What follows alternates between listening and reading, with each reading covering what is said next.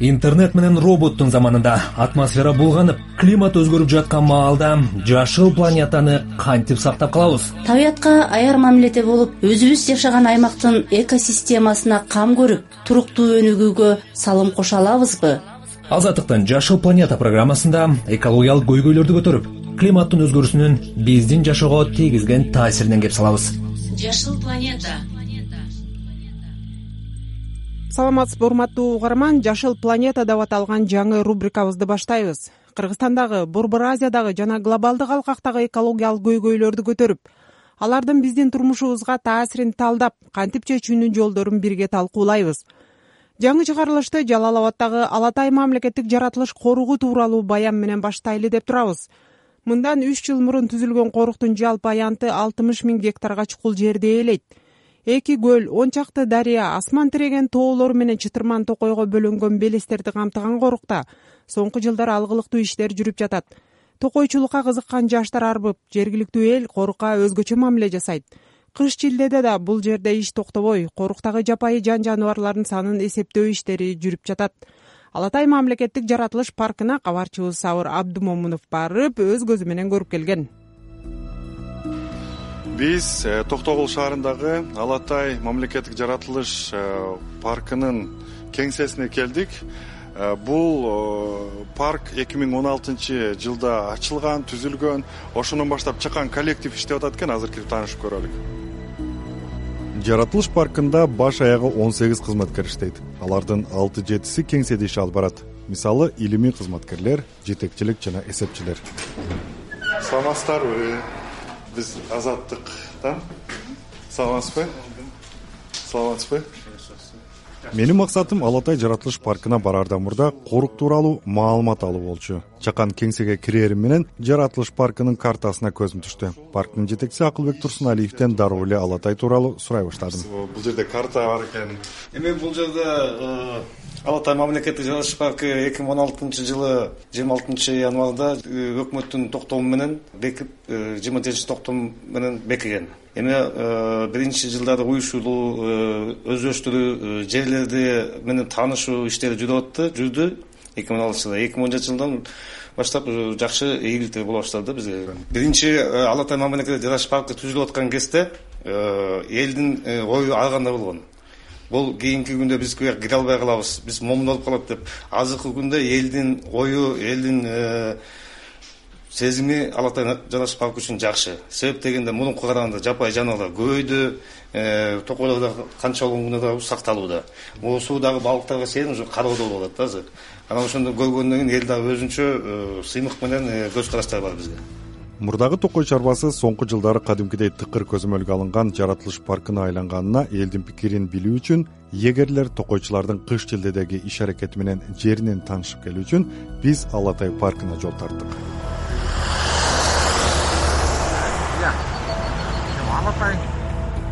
токтогул шаарчасынан ала тай жаратылыш паркына чейинки аралык жетимиш чакырымды түзөт.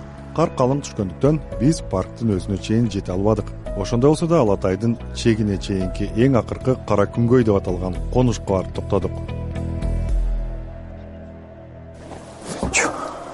бул күндүн суугуна карабай ушинтип барабыз. Токунуп алып азыр аттанабыз. Бул айылда төрт егер жашайт экен. Кезектеги токой кыдыруу жапайы жандыктарга көз салуу кезметине акыркы даярдыгын көрүп атын токуп жаткан токой боюнча бөлүм башчы эрнис асанбаевди кепке тарттым биз азыр ала тай мамлекеттик жаратылыш паркына барабыз. Ошол жерге азыр эме аркылуу ашабыз да. Бел башат аркылуу ашабыз. Бел башат деп коет. Ушул жерде бийик жер бар. Ошол жерге бир эки саатта жетебиз. Андан аркысы төрт саат жол жүрөбүз. Андан ары километр эми болжол менен отузга барып калат да. Ушу отуздай калат үйдөн чыкканда балдарым келинчектим өздөрү куржунга продуктусу салып берип жөнөтөт бизди аякта бир үч күн төрт күн ар кандай убакта болуп калат. Жатып жолго эле бир күн убакыт кетет. Бараткан келатканыбыз жолго эле кетет. Биз азыр төртөөбүз кетип атабыз азыр. Төртөөбүз барып андан биз келебиз менен дагы төрт бала кетет бул жерде балдар болуп чогуу кетебиз. Кар жааганда бизге жакшы болот. Ошо карда барып баардык жаныбарлардын изин көрөбүз билебиз тааныйбыз жаныбарлардын истерин. Ошо жаңы карда көбүнчө чыгабыз ошондо истери билинип турат. Кайсы жерде жүргөнүн оңой таап алабыз. Дүрбү менен карап эл жакшы түшүнүп атат. Анан могу айылдардан демилгелүү топтор чыгып атат бизден. Жаш балдардан чыгып э бул жакшы нерсе турбайбы деп туура түшүнүп атышат да. Э, жан жаныбарлар көбөйүп калды да. Бизде кийик көбөйдү биринчи. Анан аюу көбөйдү. Азыр бирден экиден мурда аюулар ошо бирден экиден жүрүп калса азыр жыйырма беш отуздай болуп калды. Анан кийиктерге өткөндө санакка барып келдик. Ошо бир бир сайга киргенде эле жетимишке жакын кийик санадык коро карагай участкасына барыпчы. Көлгө бардык ал жактан балдар эметип келишти санап. Анан ушу бизде фотоловушкалар коюлду азыр. Фотоловушкалар коюлуп эми могу ушу элге айтып турабыз. Бул жаныбарлар бар экен фотоловушканы койгонбуз ошол жерди жыйнап келип анан элге айтабыз ошо балдар да келип калды азыр чогулуп эки айылдын балдары келип калды. Аттанабыз азыр токой боюнча бөлүм башчы эрнис асанбаев айткандай бул жолку кезметке жаш ыктыярчы ак тектир айылынын тургуну райымбек имангазы уулу да кошулуп баратыптыр. Өзүбүздүн каалообуз менен болуп атат. Бул нерселер жаратылыш өзүбүзгө керек да. Ошон үчүн чыгып атабыз. Ушу жаратылышты коргош керек. Жапайы жаныбарлар азайып кетишине Э, бизден кийинки муундарга да калышсын ушуларга көрсүн биздин бала чакабыз. Ошо өзүбүздөн кийинки муундар көрсүн деп ушу өзүбүздүн каалообуз менен чыгып атабыз. Ооба бүгүн да чыгып кетип атабыз эми бир кудай кааласа бир эки үч күнгө барып келебиз. Ошо алмашып алмашып карап турабыз.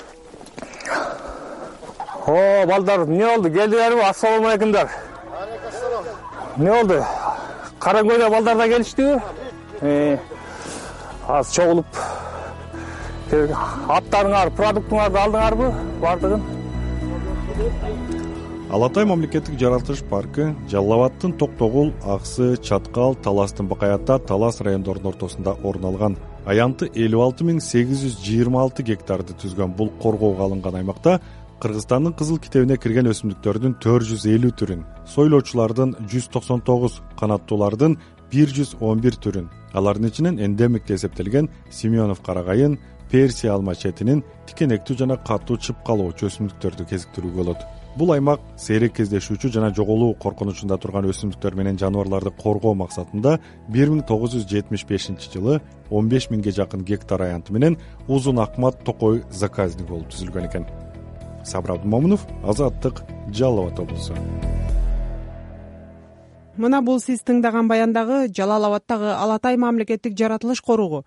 Бизди курчаган жашыл дүйнөгө кам көрүүбүздүн жакшы мисалы ошол эле маалда кыргызстандын экосистемасы мурда болуп көрбөгөндөй жабыркап өсүмдүктөр менен жан жаныбарлар азайып баратканы белгилүү. Илимге таянсак мекенибизде дүйнөдө табылган био түрдүүлүктүн бир проценти учурайт.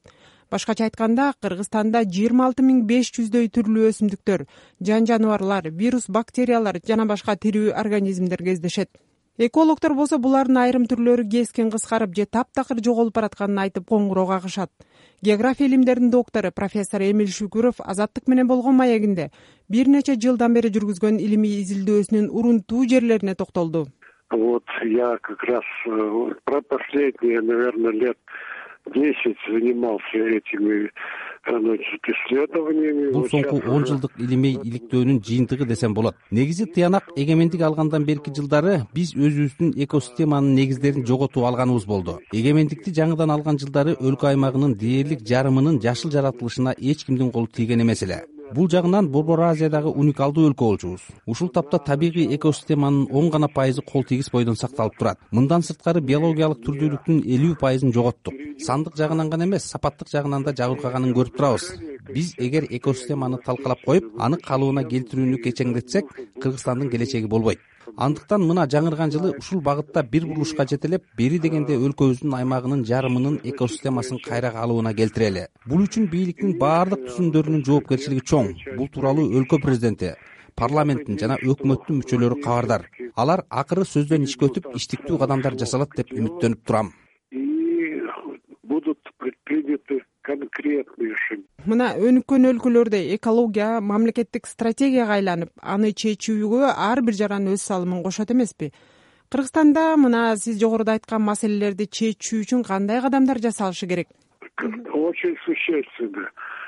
Шаги такие у нас биздин бийик тоолуу аймактарда көк чөп ыргалган жайлоолор бузулду. Нарындын бийик тоолору менен сары жаздын төрүндө гана жайлоолор мурдагыдай жайкалып калды. Мына ошол жерлерде гана ак илбирстин популяциясы сакталып тукуму көбөйөт. Ушул жаңырган жылы жайлоонун экосистемасын калыбына келтирүү милдети турат. Азыр сакталып турган популяция дагы көбөйүп жаңы пайда болгудай шарт түзүүбүз керек жаңы популяция гана экосистема калыбына келдиби же жокпу көрсөтөт. Токойлорубуз кыйылып жашыл массив катуу жабыркады. Жайлоолорду кыйып жок кылып баратабыз. Дарыя өзөндөрүбүздүн экосистемасы бузулуп жатат. Тал теректер азайып бадалдар жок болуп баратат. Анын айынан барган сайын суу каптоо көбөйөт жылдан жылга азайтып отуруп жаңгак токойлорунун аягына чыктык. Бизде жаңгак токойлор дүйнөдөгү башка өлкөлөргө салыштырмалуу көп деп мактанганыбыз менен алардын экосистемасы бузулду. Азыр алар кескин суюлуп өзү менен өзү көбөйө албай калды. Азыр карасаңар жаңгактын көчөттөрүн көрө албайсыңар. Мөңгүлөр ээрип жатат деп баарыбыз эле чоочулап жатабыз. Ооба мөңгүлөр кыскарып баратат глобалдык климаттын өзгөрүшү таасир этип жатат. Бул бир себеби. Бизде болсо мен жогоруда айткандай көк майсаң чөп баскан экосистема бузулуп жайлоолор такырланып жатканы дагы ага кантип таасир этпей койсун? Миң сандаган төрт түлүк мал жайлоону такырга айлантып андан чыккан чаң ак карлуу мөңгүлөргө барып конот андан мөңгүлөр ээрүүгө дуушар болуп жатат. Азыр бул багытта эмне иш аткаруу керек? Жол жобосун караган киши жок.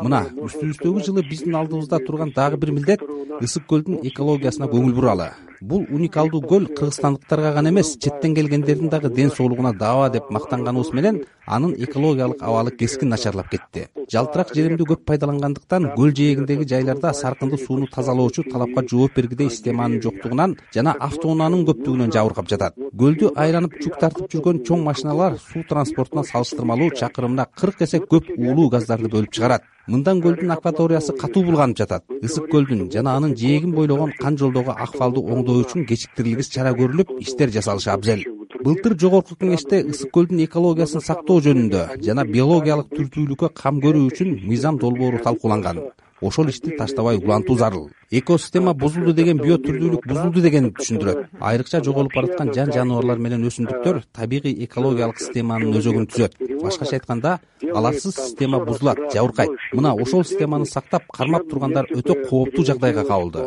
мен жайлоону айттым. Ал жердеги экосистеманын өзөгү илбирс. Илбирс тукумунун жашоосу үчүн аркар кулча көп болушу керек. Кайбиренди кара өзгөйлүк менен атып жоготуп тукум курут кылып жатабыз. табигый системаны талкалап жатышканын билишсе дагы доллардын көзүнө кызыккандар мергенчиликтен баш тарта албай отурушпайбы. Бул деген өз энесинин денесин сатканга барабар табиятты эне дейбиз го частями своей ну как бы родной матери потому что природа наша мать. География илимдеринин доктору профессор эмил шүкүров азаттыктын суроолоруна жооп берди айлана чөйрөнү коргоо жана токой чарба агенттиги декабрь айында био түрдүүлүк боюнча кезектеги улуттук баяндамасын жарыялады. Мамлекет жаратылышка кам көрүүгө бюджеттен жарым пайызга жетпеген акча бөлөт бул каражат жогоруда профессор шүкүров белгилегендей. Экосистеманын деградациясын токтотууга жайлоолорду калыбына келтирүүгө токойлорду кеңейтүүгө жан жаныбарлар менен өсүмдүктөр дүйнөсүн камкордукка алууга жетишсиз ага карабай кыргыз өкмөтүнүн био түрдүүлүктү сактоо багытындагы маалыматы чеке жылытат. Соңку алты жылда коруктардын аймагы он төрт эсе көбөйгөн. Токойлордун жана жайлоолордун айрым бөлүгү калыбына келтирилип жапайы жаныбарлардын маалымат базасы түзүлдү. Ысык көлгө бир жүз жыйырма миңден ашуун чабак кое берилди. Үч миң гектарга чукул аянтка грек жаңгагы тигилди. Ошондой эле жан жаныбарлар менен өсүмдүктөргө зыян келтиргендер үчүн элүү миңден жүз элүү миң сомго чейин айып пул көтөрүлдү коңшу өлкөлөр менен өзгөчө корголгон төрт корук түзүү тууралуу сүйлөшүү жүрүп жатканы белгилүү болду. Ал аймактарда ак илбирс кулжа жана марал сыяктуу сейрек кездешүүчү жаныбарлар коргоого алынат.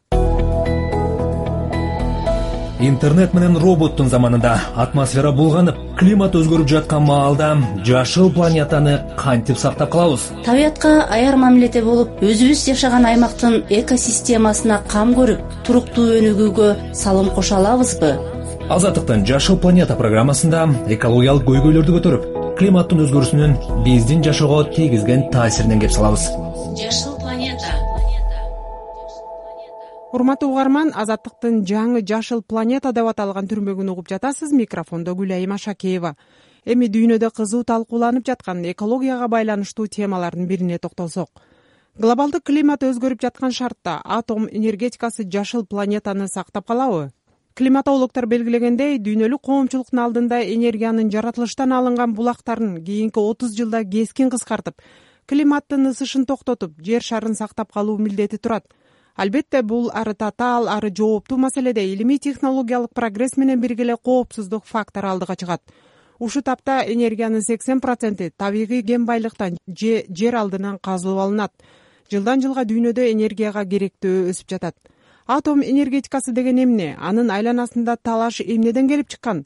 Адегенде ушул суроого физика илимдеринин доктору профессор каныбек осмоналиевдин жообун угуп алып анан баяныбызды улантсак. Дароо эле айтып коеюн э, бүгүнкү күндө э, атомдук электростанциялардын үлүшү жалпы электр өндүрүүнүн э, дүйнө жүзүндөгү он алты пайызын берип атат электр энергиясын. Эмне үчүн? Көп өлкөлөр мисалы үчүн отуз эки өлкөдө бир жүз токсон үч атомдук электростанция бар алардын төрт жүз кырк тогуз энергоблоктору бар. Негизинен бул эң алдыңкы деле эсептелген америка кошмо штаттары франция россия кытай япония түштүк корея жана кийинки учурларда түштүк чыгыш азия өлкөлөрү баягы э, кичинекей тигрлардын баардыгы ушуга көңүл буруп атышат эмне үчүн? Бунун э, тарыхы эң эле жөнөкөй өткөн кылымдын экинчи дүйнөлүк согуштун астында башталган. Биринчиден бул чыныгы физикалык чоң ачылыш болгон. Ошол ядронун атом ядросунун энергиясын э, бошотуп алып колдонууну биринчи жолу физиктер көрсөтүшкөн. Вот ошондон башталды. Бул э, кезекте уран э, элементи бул радиоактивдүү элемент Э, бул өзү жаратылышта кездешет. Урандын бир топ изотоптору бар. Анын ичинен уран эки жүз отуз беш биздин кыргызстанда дагы абдан чоң кен байлыктары бар урандын болгон учурунда. Эми биз эми урандын бөлүнүшү чынжыр реакциясы десе эле биринчи эле баягы атом бомбасын элестетебиз нагасакини элестетебиз анан кийин бирок буну жакшы баягындай энергетикага колдонуш маселеси бир миң тогуз жүз кырк сегизинчи жылы дүйнөлүк согуштан кийин эле биринчи жолу советтер союзунда атактуу академик игорь васильевич курчатовдун жетекчилиги астында обнинск шаарында москванын алдында ошол жерде башталган соңку кезде дүйнөнүн алдыңкы өлкөлөрү атомдук энергиянын ролун баса белгилеп атмосферага чыккан көмүр кычкыл газын азайтууну бирден бир жолу катары көрүшөт. Жыл жаңырганда америка кошмо штаттары өзөктүк өнөр жайын өркүндөтө турганын жарыялады. Вашингтон сырткы атаандаштыкты эске алып кошмо штаттардын атомдук энергия тармагын күчтөндүрө турган болду. Акшнын энергетика департаменти бул тармактагы технологияны өнүктүрүүгө бир жүз он беш миллион доллар бөлсө ал чакан жана арзан генераторлорду түзүүгө жумшалмакчы бул тууралуу wall street journal басылмасы сегизинчи январда жарыялады. Үч жылдык долбоорго бөлүнгөн акча агаяда кубаттуулугу жогору уран өндүрүүгө сарпталат. Аны менен акшнын атомдук өнөр жайы чакан реакторлорго муктаж экени айтылат. Макалада кошмо штаттардын атомдук өнөр жайы ушул тапта өтө солгун ыргакта калып аны менен катар четтеги америкалыктардын атаандаштарынын кубатын арттырганы белгиленет маселен атом энергиясын алууда кытай соңку кезде дүйнөдө алдыга чыккан бир нече мамлекеттин бирине айланды. Ошондой эле орусия атомдук долбоорлорду өнүктүрүүдө алдыңкы сапта. Польша эки миң отуз үчүнчү жылга чейин бир нече атомдук электростанция курууну пландап жатат. Бул тууралуу маалымат каражаттары былтыр жыл этегинде жазып чыгышкан.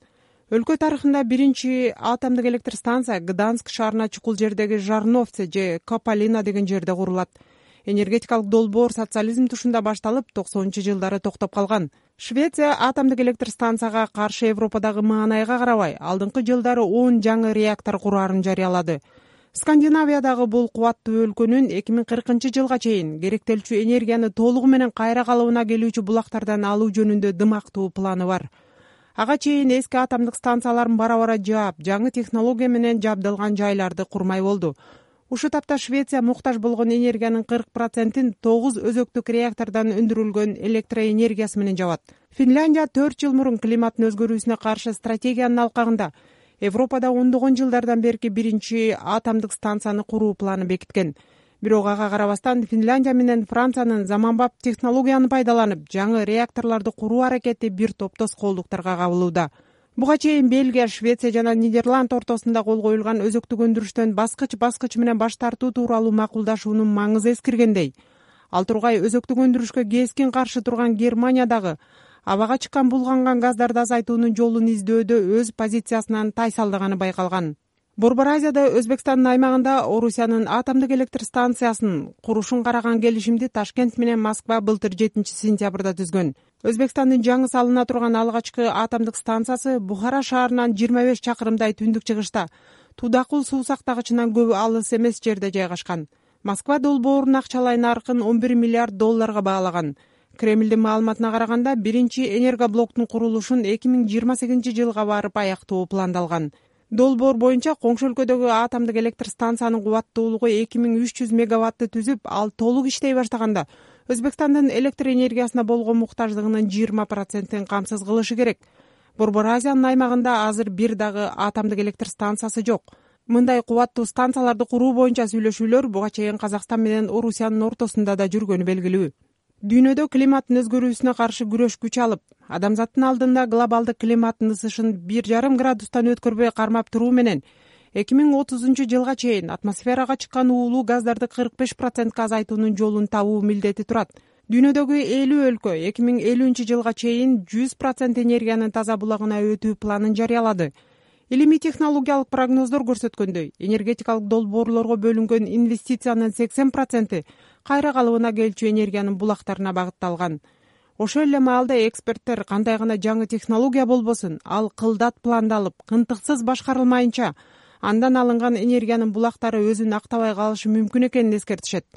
Айрыкча эң кубаттуу өндүрүш саналган атомдук электр станцияларынын коопсуздук жагдайы түйшөлтпөй койбойт профессор каныбек осмоналиев заманбап технология атомдук өндүрүштүн коопсуздугун толук камсыздайт деген ишенимде. Эми чынында эле бул баягы техногендик катастрофага бир аз э, баягындай мүчүлүш болуп кала тургандай проект катары көрүнгөнү менен бүгүнкү күндө бүгүнкү күндө атом электростанцияларын э, эң жогорку деңгээлде жасоо э, анын баягы коопсуздугун камсыз кылуу боюнча физиктер окумуштуулар техниктер болуп көрбөгөндөй чоң гарантияны бере алгандыгы үчүн европа америка кошмо штаттары буга көп көңүл буруп атышат деп түшүндүрдү профессор каныбек осмоналиев азаттык менен болгон маегинде. Урматтуу угарман сиз азаттыктын жашыл планета рубрикасын уктуңуз. Аны мен гүлайым ашакеева кесиптешим сабыр абдымомунов менен бирге даярдап обого алып чыктык. Бизди курчаган жашыл дүйнөгө кантип кам көрүшүбүз керек? Сиз дагы түйшөлткөн ой пикириңиз болсо ортого салыңыз. Биздин whatsapp номерибиз нөл беш жүз элүү тогуз жүз сексен сегиз жети жүз элүү беш биз менен социалдык сайттар аркылуу дагы байланышсаңыз болот. Ал жактардан кыргыз азаттык үн алгысы же азаттык медиа деген аталышты издеңиз. Аман туруңуз